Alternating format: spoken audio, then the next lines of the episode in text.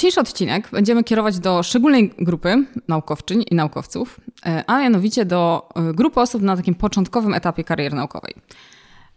Bo to jest grupa osób, która może być zainteresowana tym tematem otwartej nauki ogólnie, ponieważ to jest temat, który no, stał się właśnie taki bardzo dużo osób o tym mówi w czasie, kiedy te osoby zaczynają swoją ścieżkę naukową.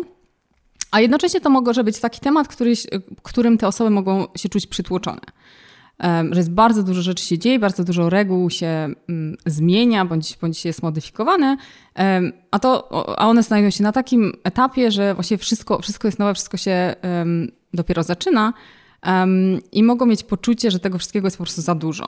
I w jakimś sensie być może to nawet jest niesprawiedliwe, że one muszą zaczynać tą swoją karierę naukową e, w czasie, kiedy wymagania wobec naukowców e, badań być może jest takie poczucie, że się zwiększają, czyli że ogólnie jest trudniej. Mm, a jednocześnie te osoby mają takie poczucie presji czasu, że one nie mają dużo czasu być może na tym doktoracie, żeby opublikować, zrobić nowe badania, opublikować te badania.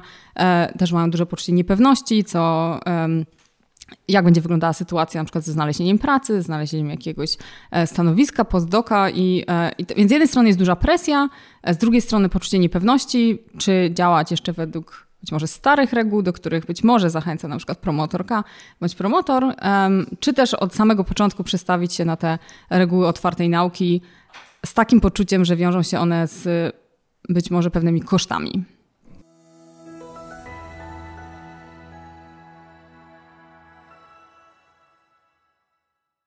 Czyli ci młodzi naukowcy to generalnie mają bardzo źle.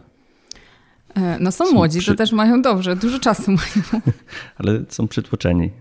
Są przytłoczeni um, i mogą mieć właśnie poczucie, że, że dużo jest nowych wymagań. Um. A jednocześnie mają świadomość tego, że moment, w którym zaczynają robić, zaczynają swoją karierę jest taki dosyć fajny, przełomowy. Coraz więcej się no, rozmawiamy o tym nie pierwszy raz, ale coraz więcej robi się rzeczy, które wpływają bardzo na jakość tej nauki i standaryzują się pewne procedury, które pomagają bardzo do tego. No i w zasadzie temu poświęcony będzie ten odcinek. Właśnie, i my jeszcze możemy powiedzieć, że z perspektywy takich starszych, starszych pracowników i pracowniczek naukowych, mamy też poczucie, że to jest bardzo ekscytujący czas do tego, żeby zaczynać swoją ścieżkę naukową i um, i czy byśmy się zamienili? Chcielibyśmy teraz robić, zaczynać doktorat? Nie. To się wytnie. To się wytnie. Wciąż nie. To będzie hard pass. Ja e, nie wiem. Ja myślę, że e, bym się potencjalnie mogła zamienić. Um. Znaczy, to jest takie pytanie filozoficzne, czy cofnęłabyś się w czasie i na jakich warunkach?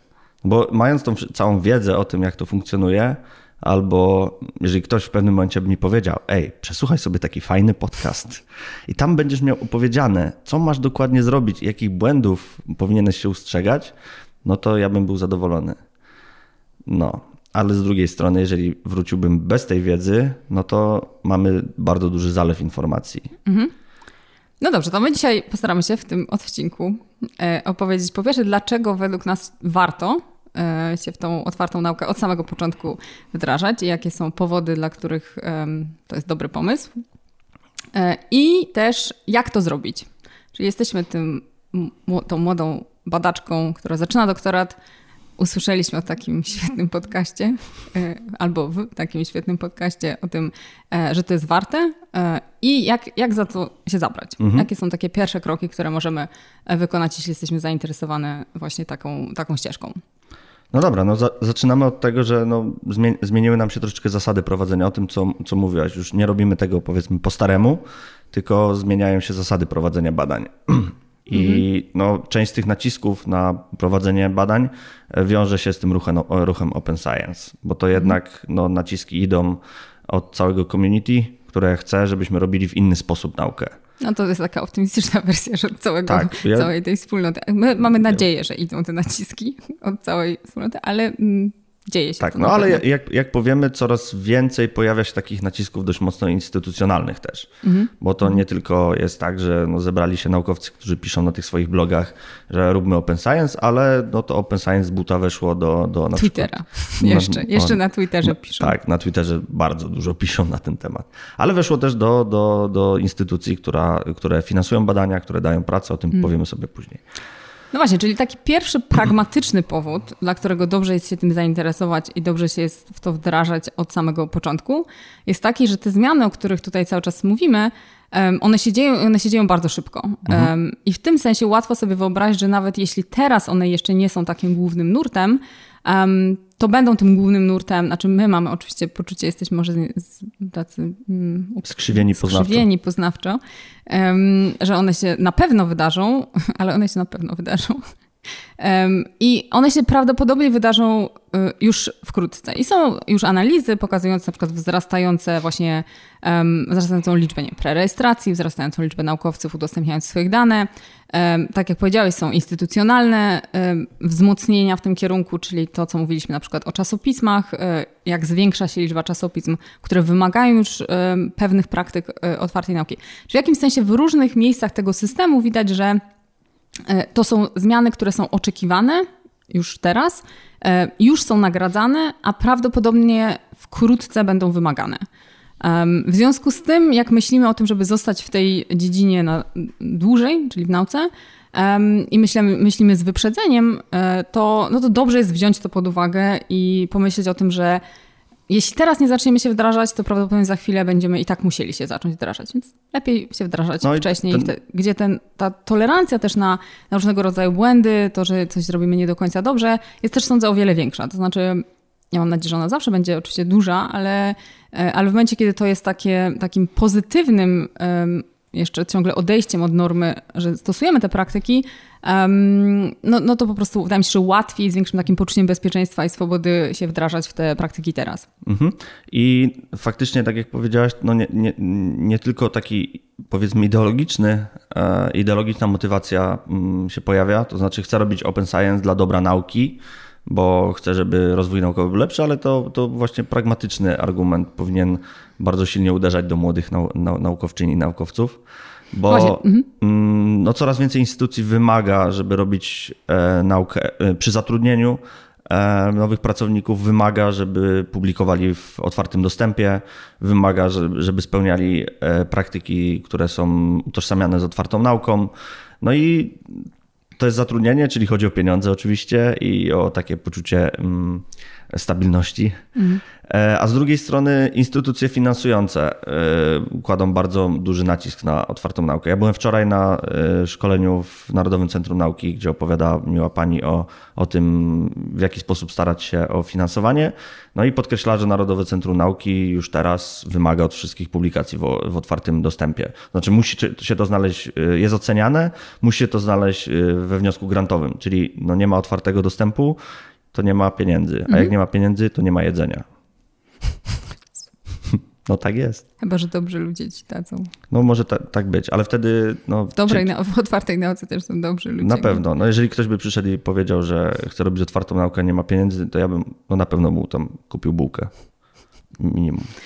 Y, Dobrze, czyli, czyli pierwszy powód jest Pragmatyczny. pragmatyczny, czyli na, tak jak powiedziałeś, no my oczywiście chcemy tutaj em, bazować na takiej motywacji idealistycznej, że po prostu robimy, angażujemy się w te praktyki, bo to jest dobre dla nauki, bo uzyskujemy wtedy bardziej wiarygodne wyniki, bardziej rzetelną e, naukę e, e, robimy, ale nawet jeśli ktoś miałby te motywacje związane z robieniem kariery jakoś rozwinięte, e, to on również się powie, czy ona również się powinni zainteresować em, otwartą nauką, No ponieważ to jest ścieżka, która coraz bardziej jest em, spójna z tym, żeby właśnie tą karierę w nauce zrobić, więc idealistyczne motywy jak najbardziej, ale Tak, ale jak masz instrumentalne, bardzo mocne, no to, to też się przyda zrobienie, robienie tego w ramach otwartej nauki. Drugi powód, o którym chcielibyśmy powiedzieć, to jest taki, że mm, powiedzmy, ro- robimy doktorat.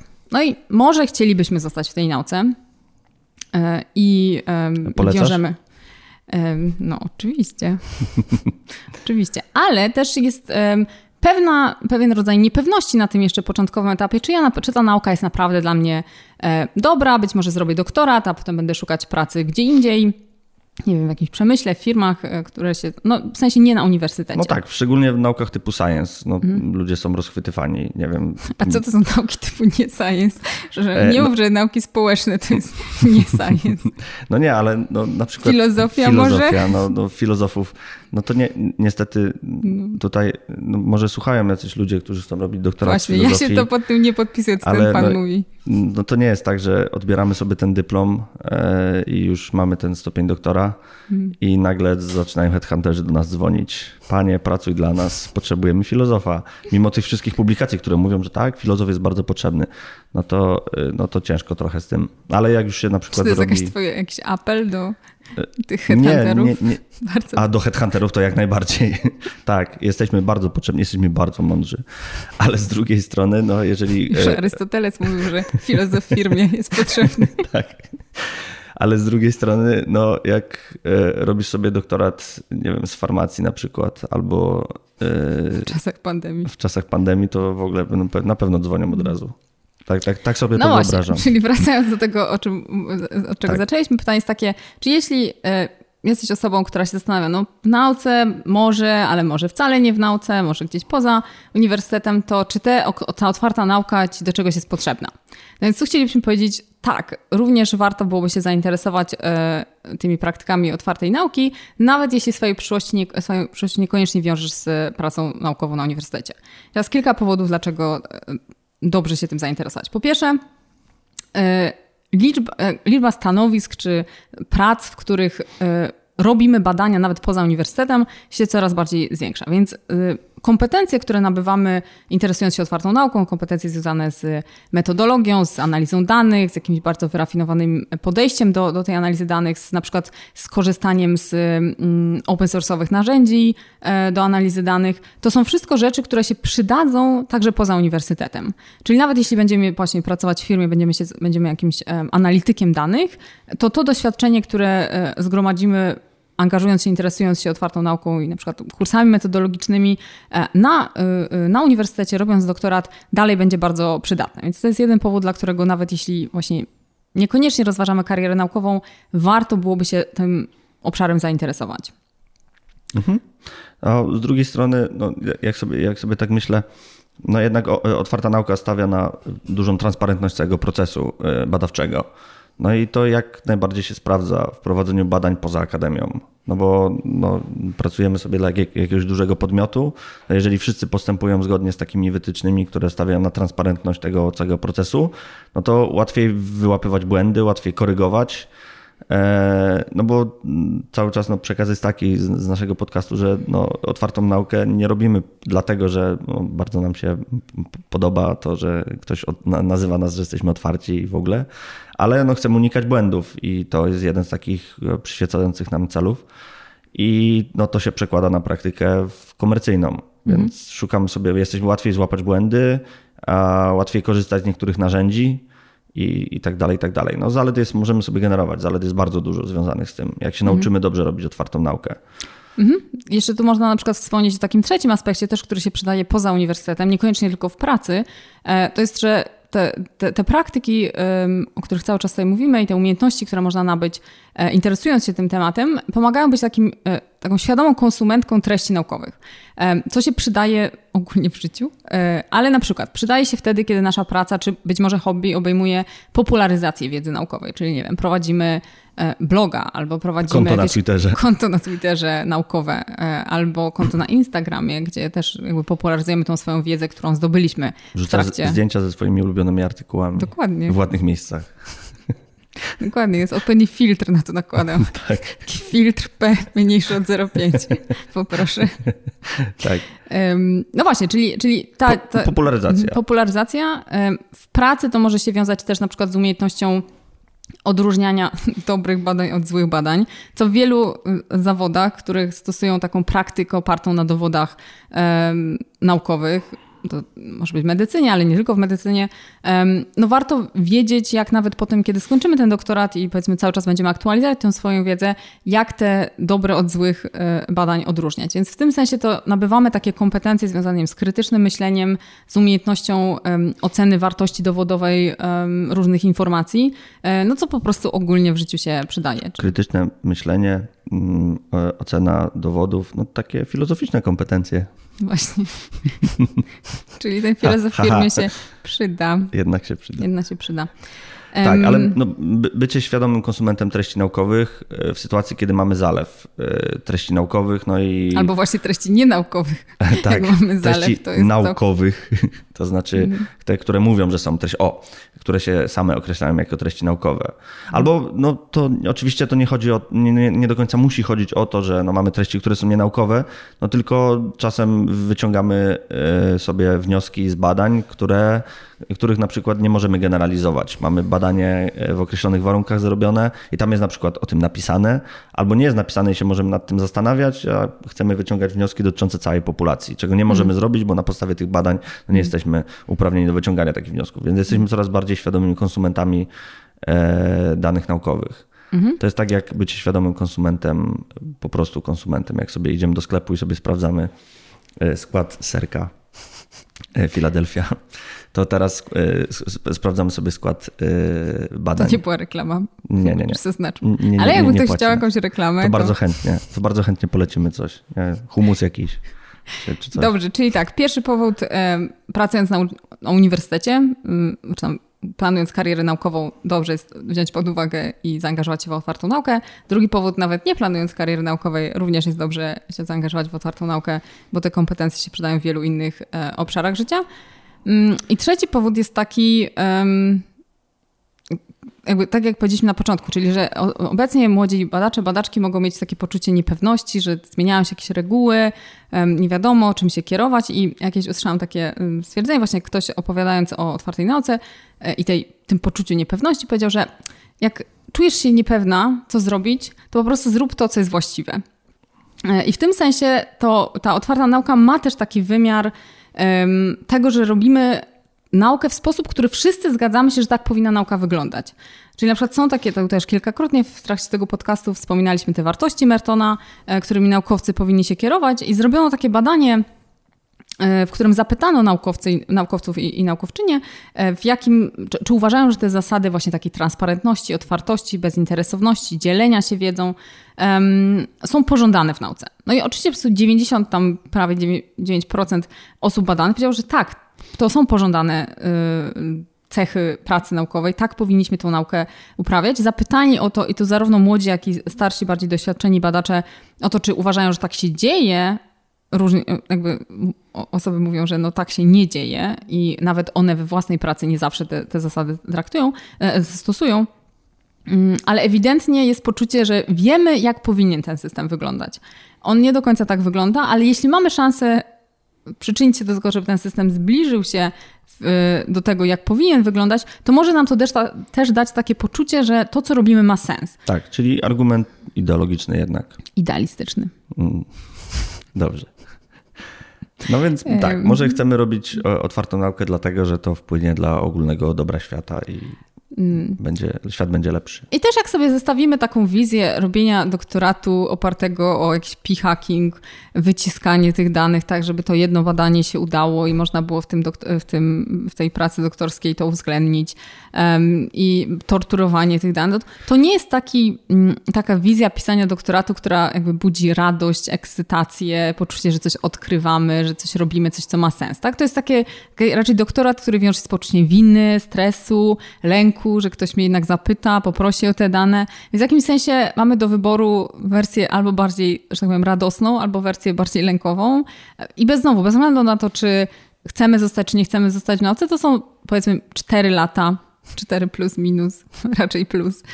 Między 4 a 10 lata, które no po prostu mamy wpływ na to, jakie będziemy spędzać, w jakiej, w jakiej mhm. atmosferze. Więc... No dobra, mamy, mamy powody. No i to jest taka dyskusja na poziomie takim dość ogólnym, bo powiedzieliśmy sobie o różnych argumentach. No teraz przejdźmy chyba do tego, bo jak, jak to robić. Jak w sensie to robić? konkretne porady, konkrety. Konkrety, konkretne. Tak. Um, to możemy zacząć od takich prostych rzeczy, takich, że Czy wejdźcie właściwie... w internet. Właśnie. Takich, że powiedzmy, że przekonaliśmy kogoś i mówi, a, dobry Dobra, pomysł, chcę robić dobrze ci naukę. ludzie tam mówią. Tak. Chcę to robić, chcę się zainteresować. To pewnie pierwszym krokiem byłoby, żeby sobie poczytać więcej o tym i dowiedzieć się mm, bardziej szczegółowo, y, jak to może konkretnie wyglądać. Tak, i to, to jest ten moment w tym odcinku, gdzie ludzie, e, słuchacze, którzy słuchali poprzednich e, odcinków tego podcastu, mogą sobie chwilę przewinąć, bo już na pewno o tym wiedzą. Mm, mogą, ale nie muszą. Ale nie muszą. Mogą dalej słuchać z nadzieją, że będzie jakiś dobry dowcip się pojawi. Na przykład, Który- co jest częste w tym, w tym który jeszcze- podcaście. Który jeszcze się nie pojawił. Jeszcze się nie pojawi. Albo że znowu coś opowiemy, badają mo- ziemniakach. może, może w trzecim sezonie pojawi się dobry dowcip. Jak nam ktoś przyśle. Nam nie przyśle, to będą Prosimy, kiepskie. prosimy o przesyłanie dowcipów na y, maila www.dowcip w podcaście. Ty dostajesz więcej maili od, od, od słuchaczy, więc może ty dostaniesz jakiś. Dobrze. E, Dobra, to o tym podnoszeniu kompetencji. To, co jest piękne w e, otwartej nauce, to to, że osoby, które się nią zajmują, mają dużą motywację tego, żeby się nim, tą wiedzą w otwarty sposób dzielić. Czyli bardzo łatwo jest, i tu pewnie możemy wrzucić e, jakieś linki do, do tych. Do tych materiałów. Łatwo jest znaleźć kursy, łatwo jest znaleźć webinary, łatwo jest znaleźć em, em, linki do wiem, jakichś em, krótkich em, właśnie takich warsztatów e, na YouTubie czy na OSF-ie na przykład. E, ja wiem, że jeśli ktoś z Państwa sądzi, że to jest ulubiony jego podcast o otwartej nauce, to nie winimy, ale są też inne podcasty o otwartej nauce, które również bardzo chętnie e, polecimy. Słabsze, słabsze. Na przykład taki podcast jak Everything Hurts, który ma bardzo wiele odcinków, bardzo y, różna, różnorodna tematyka. E, I jeszcze inne podcasty, które możemy, możemy pewnie wylistować pod, e, w, materiałach. Więc warto o tym, to słuchać. E, Tak jak powiedzieliśmy, szkolenia, kursy. mm, Polecamy media społecznościowe, jak się ominie cały hejt, który tam się pojawia. To są też wartościowe konta właśnie stricte w temacie otwartej nauki, które na bieżąco e, udostępniają różne treści i też osoby, które są bardzo aktywne w tym, w tym środowisku. Bardzo wiele się nowych rzeczy można ciekawych dowiedzieć. Więc w jakimś sensie bardzo dużo darmowej wiedzy, którą w pierwszym kroku już można em, zdobyć. Trzeba dbać o to, żeby nie, właśnie nie wpaść w takie poczucie, mm, że tego jest za dużo. Czyli być może najpierw znaleźć jeden kurs, trzy konta do śledzenia i jeden podcast. A skoro podcast już jest, no to To już nie musicie szukać. no Właśnie. To jest pierwszy krok. Drugi krok, jako psycholożka społeczna, mogę powiedzieć, że y, byłoby to dobrym krokiem. Znajdź drugą osobę, która jest Znajdź przyjaciela. przyjaciela z filozofii Na, najlepiej. na pewno, na pewno drogi, droga, droga badaczko, badaczu będziesz na pewno czuł się wielokrotnie samotny, więc dobry przyjaciel, Ważny jest. który będzie się czuł tak samo samotny. Ale to żarty żartami, ale to naprawdę jakby ma sens. W tym sensie, że tak jak powiedzieliśmy, w pierwszym kroku będzie dużo informacji, dużo wiedzy, być może to będzie takie obezwładniające. Z drugą osobą będzie przyjemniej. Jak możemy potwierdzić, prawda? Tak. Na początku każdy z nas myślał, że będzie indywidualnie prowadzić podcast, Tak. ale się odnaleźliśmy i już jest I dobrze, praca się rozkłada jakoś miło, wesoło, fajne dowcipy. Właśnie zawsze wesoło może być. Mm, czyli ta osoba może być w zakładzie, w instytucie, na, na waszym uniwersytecie. Można się po prostu porozglądać, czy ktoś albo nie robił tego już, albo się... Co się śmiejesz? No, w zakładzie, instytucie, w parku. Yy, No, ej, Ogólnie- To, to, to nie jest takie zupełnie. No, na przykład jesteś naukowcem, który bada kaczki.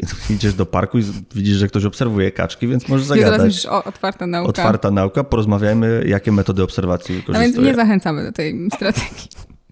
Ale można por, popytać na przykład wśród osób również na studiach doktoranckich, z którymi studiujemy, czy, Czy ktoś nie jest kaczki? zainteresowany tą tematyką. Ale można powiedzieć, ej, jest taki świetny podcast, słuchałeś takiego odcinka o młodych badaczach.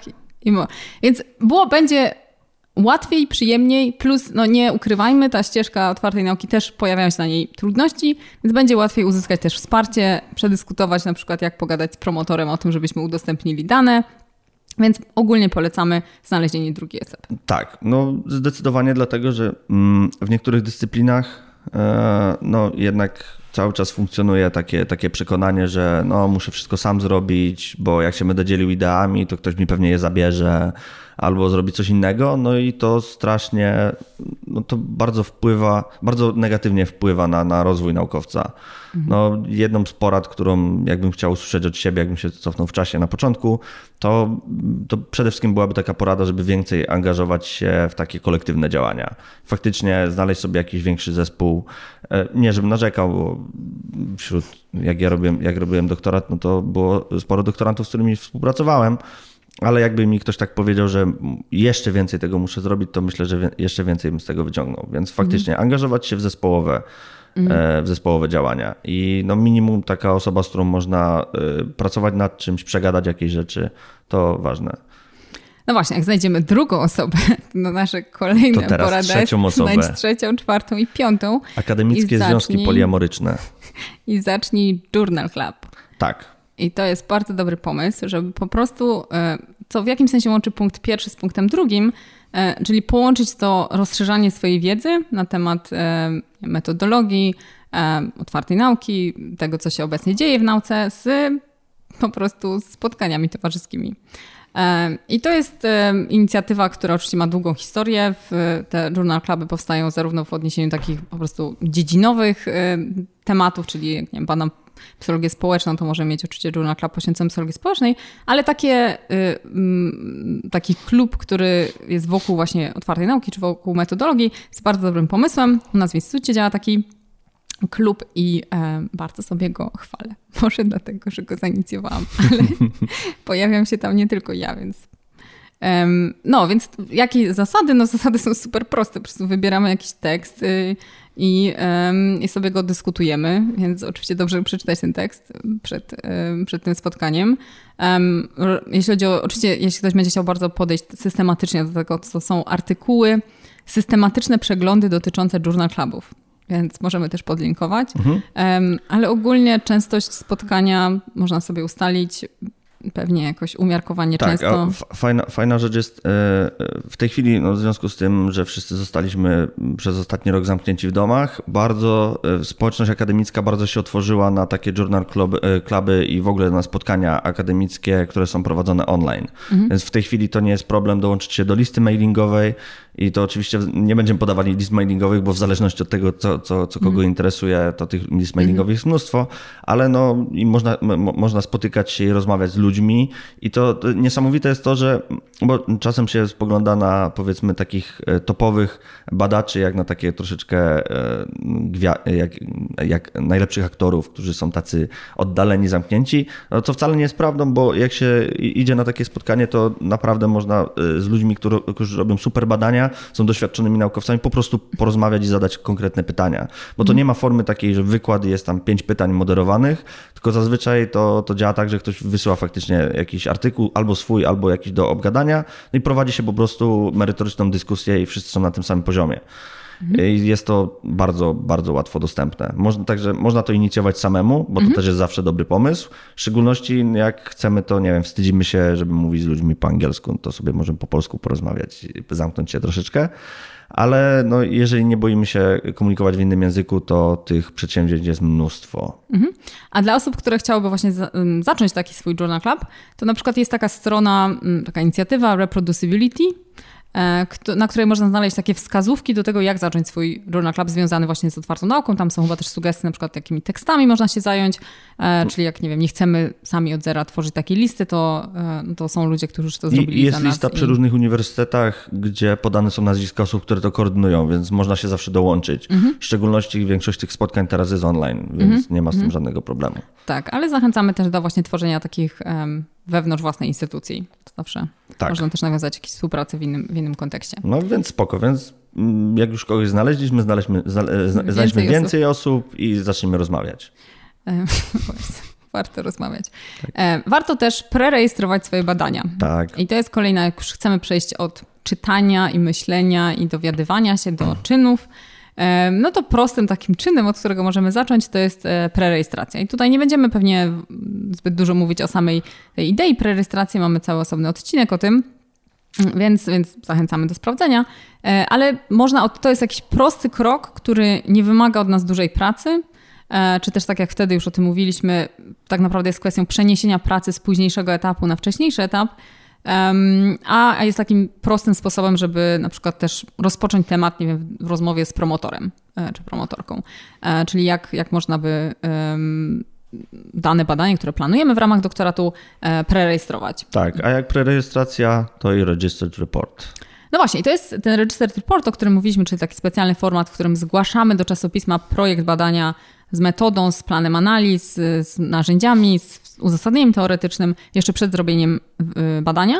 E, wydaje się, że to jest właśnie szczególnie dobry format dla osób na tym młodym, y, na, wczesnym. osób na wczesnym etapie e, kariery naukowej, dlatego że on właśnie zrzuca taki lęk przed tym, co się stanie, jak dostanę nieistotne statystycznie wyniki i właśnie nic się nie stanie, poza tym, że po prostu będą one dalej opublikowane.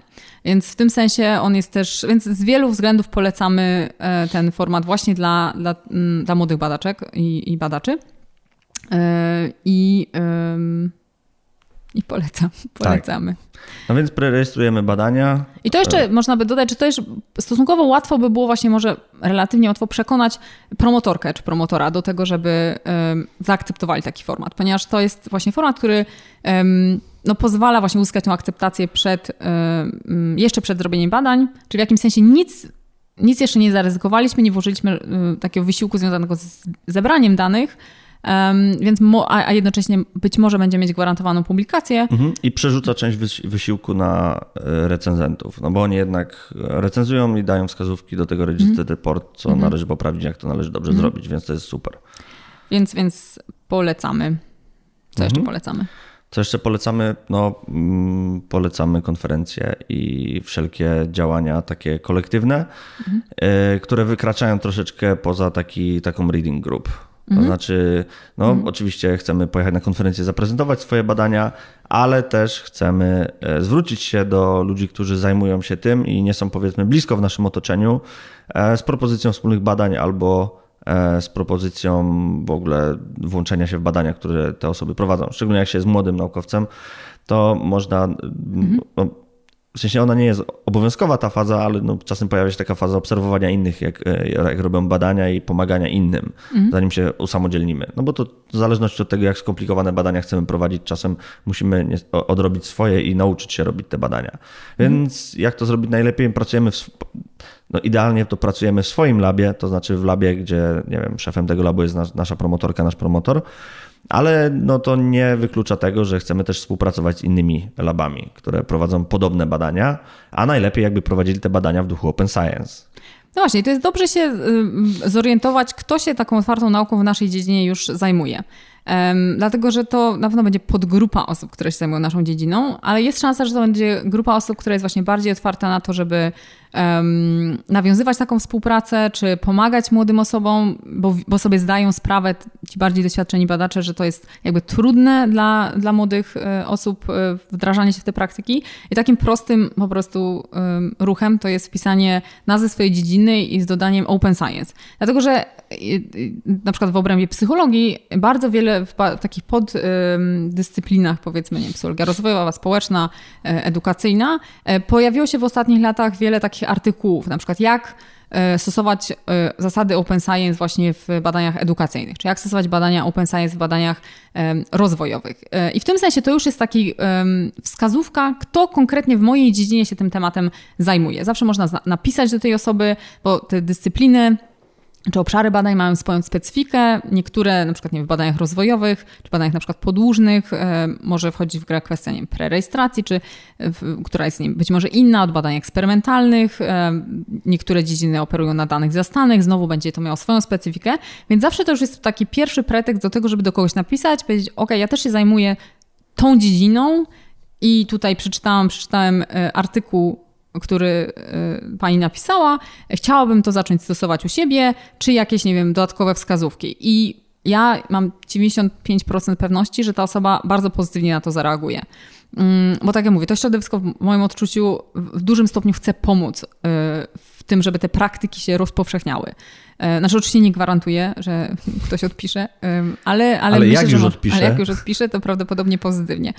Więc to jest jakby jeden kierunek, w którym można szukać takiej współpracy. A druga, druga, drugi przykład takich inicjatyw, które warto się sprawdzić, czy w naszej dziedzinie występują, to są takie wielozespołowe współpracy też międzynarodowe. Czyli na przykład, żeby podać przykład, w psychologii pojawiła się kilka lat temu taka inicjatywa e, Psychological Science Accelerator.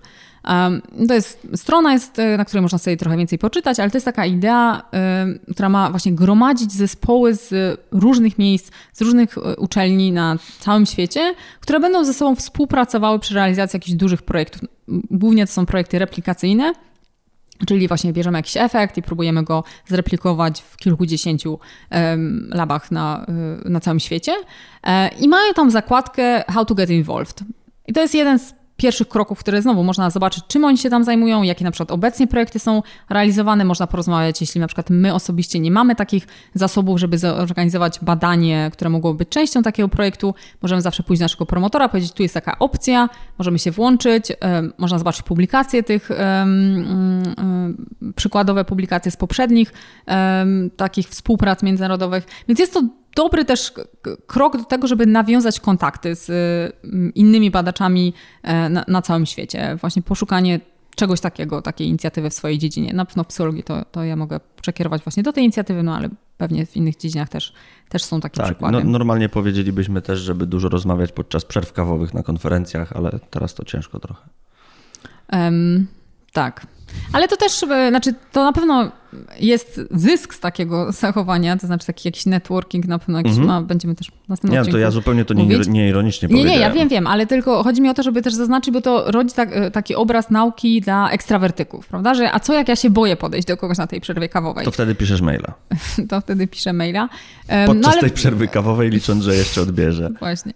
E, ale właśnie, żeby nie było takiego wrażenia, że to jest tylko dla ekstrawertyków dziedzina. To znaczy, że duża część naukowców to, jest, to są osoby, które się właśnie stresują przy pójściem do, e, podejściem w trakcie przerwy kawowej i w tym ruchu też dla nich jest miejsce. W sensie są właśnie media społecznościowe, które być może pozwalają nam najpierw zaobserwować interakcje między osobami, które się tym tematem zajmują, zanim do nich napiszemy, albo wtedy łatwiej napisać, ej, widziałem, że pan napisał taki mm, tweet o tym, że coś tam i to mnie bardzo zainteresowało i chciałbym to zastosować w swoich badaniach.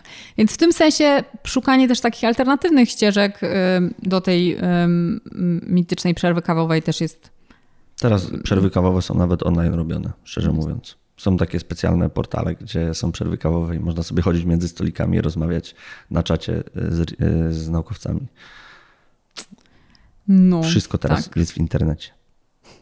A propos tego, co jest w internecie, to jeszcze powiemy o ostatnim punkcie. Co jeszcze można co zrobić? Co jeszcze można znaleźć w internecie? Co jeszcze można znaleźć? Preprinty. Preprinty. Czyli taka ostatnia rzecz, o której pewnie chcielibyśmy powiedzieć, to jest um, udostępnianie. Udostępnianie artykułów, udostępnianie danych, udostępnianie e, materiałów z badań. E, to może być taki moment, w który um, ten, um, trzeba porozmawiać z swoim promotorem, o tej, o, tej, o tej kwestii, czy chcemy coś udostępnić, dlaczego to jest warto, e, żeby to udostępnić, jak to zrobić. E, I, i w tym sensie na przykład jednym z takich powodów, które możemy użyć, argumentów, które możemy użyć, żeby go czy ją przekonać, jest taki, że na przykład preprinty, czyli artykuły, które są umieszczane jako preprinty, szybciej mają większą liczbę cytowań. Tak? Czy materiały, które są y, dzielone z innymi, również zwiększają szanse na to, że nasz artykuł czy nasze dane będą cytowane. Cytowanie to jest coś, co przemawia do każdego badacza, badaczki na każdym etapie kariery. W związku z tym jest szansa, że mm, wskazanie takiego wzmocnienia y, pozwoli nam przekonać y, osobę, z którą współpracujemy. Chociaż oczywiście nie musimy zakładać, że oni będą negatywnie nastawieni, być może będą od, od, samego początku pozytywnie nastawieni, ale na wypadek, gdybyśmy. Tak, zakładamy taki... taki... najczarniejszy scenariusz, że promotor to tak nie bardzo. To warto się uzbroi, uzbroić w argumenty, które pochodzą tak naprawdę z badań nad samym tym, mhm. jak odbywa się nauka. Mhm. Mamy czarno na białym z badań, nam wynika. Nigdy że... z czarno na białym nie wynika. Może w filozofii czarną na białym wynika. A słyszałeś, o że ktoś rozwiązał kiedyś jakiś problem filozoficzny? Właśnie, no. nie, nie wpuszczają mm. takich mitów nie, o nie, nauce. Nie. Myślę, że jakby ktoś Szaro rozwiązał jakiś problem filozoficzny, to zaraz by się znalazło wiem, 15 filozofów, którzy by powiedzieli, że wcale go nie rozwiązał. Nie, nie da się. Życie. No, bardzo dobrze. Dobrze, to możemy, możemy zakończyć taką, tak, po pierwsze jedną myślą, E, bo tak zaczęliśmy od tych powodów takich idealistycznych i takich pragmatycznych i, i często towarzyszy tym dyskusjom o, o otwartej nauce takie poczucie, że no, ja wiem, że to jest dobre dla nauki, że jest duże N, byłoby dobrze, jakbyśmy tak robili, ale, ale ja po prostu nie mogę. W tych moich warunkach, z tym, tą promotorką taką, a nie inną, czy z takimi uwarunkowaniami, że ja muszę napisać ten artykuł w te cztery lata e, i nie mogę, nie mam czasu, jestem obciążony, po prostu nie da się. I to w ogóle będę musiała publikować te nieistotne wyniki, nikt mi ich nie opublikuje. No i rozumiem, że to byłoby dobrze, ale nie mogę. No nie da się. Nie da się. Mhm. To my byśmy co na to powiedzieli? Że, da, że się nie da. da. Że... No dobra, nie da się. To Zwijamy biznes. No nie, no, że da się, da się. Da. No. Nie dość, że się da, ale że to jest opłacalne. To tak. znaczy, że to nie jest idealistyczny versus pragmatyczny wybór. To jest bardzo pragmatyczny wybór. W tym momencie rozeznanie się przynajmniej w tym, jak to robić. Tak, i w tej chwili to wcale nie jest takie trudne do zrobienia. No, wymaga przeczytania kilku artykułów, wysłania kilku maili i zainteresowania się kilkoma inicjatywami, ale no w dobie jak siedzimy w domu i głównie to wysyłamy maile, to, to jest jeszcze prostsze. Nie, no, no. Tak naprawdę no, przesłanie jest takie, że no, da się i to bardzo da się, bo e, mhm. no, otwarta nauka jest otwarta e, pod wieloma względami i jeden z aspektów te, tego otwarcia tej nauki jest to, że ludzie naprawdę bardzo dzielą się mhm. tym, tymi informacjami, jak robić otwartą naukę i są bardzo pozytywnie nastawieni do każdej osoby, która chce się w, jakiś, e, w jakikolwiek sposób zaangażować, albo po prostu szuka rady, jak robić otwartą mhm. naukę. Mhm. Więc to jeżeli chodzi o, no, kilkakrotnie wspominaliśmy, że no, community otwartej nauki, no, zdarzają się rzeczy, które nie wiem, że ktoś tam brzydko powie, że ktoś zrobił jakieś badania albo inne takie rzeczy, ale no, przekaz nie był taki, że to jest w jakikolwiek sposób toksyczne community, wręcz przeciwnie. To jest mhm. bardzo otwarte community, które zaprasza do włączania się mm. i bycia członkiem tej, tej społeczności. Mm. I na koniec już zupełnie chcielibyśmy jeszcze zaznaczyć taką jedną rzecz, że, bo może sprawiamy, ten odcinek mógłby sprawić takie wrażenie, że my przerzucamy ciężar takich zmian systemowych e, na, na młode badaczki, młodych badaczy, e, że jakby oni mają teraz się w te prerejestracje przekonywać tych promotorów, zmieniać system. I jasne, to jest na pewno, mają bardzo ważną rolę do, do odegrania, ale też bardzo ważną rolę mają do odegrania doświadczeni naukowcy i naukowczynie. To znaczy oni są w sytuacji, w której mają odpowiednią pozycję, odpowiednie zasoby, odpowiedni wpływ, E, do tego, żeby te zmiany w sposób systemowy wprowadzać. Więc, no i oczywiście są przykłady, właśnie nie wiem, Brian Nosek, który jest jednym z takich czołowych adwokatów e, otwartej nauki, no to jest osoba, która zainicjowała te, te wszystkie działania wtedy, kiedy już był e, no, bardzo doświadczonym i, i uznanym badaczem. takich przykładów jest bardzo, bardzo wiele. Czyli żeby ten system się zmieniał, no to jest potrzebne oczywiście zaangażowanie osób na różnych etapach kariery. Ale ten odcinek był dla tych młodych. Tak. No i taki bardzo był pozytywny. To miłe rzeczy. Idzie nowe. Idzie nowe. No, to tyle. Tyle.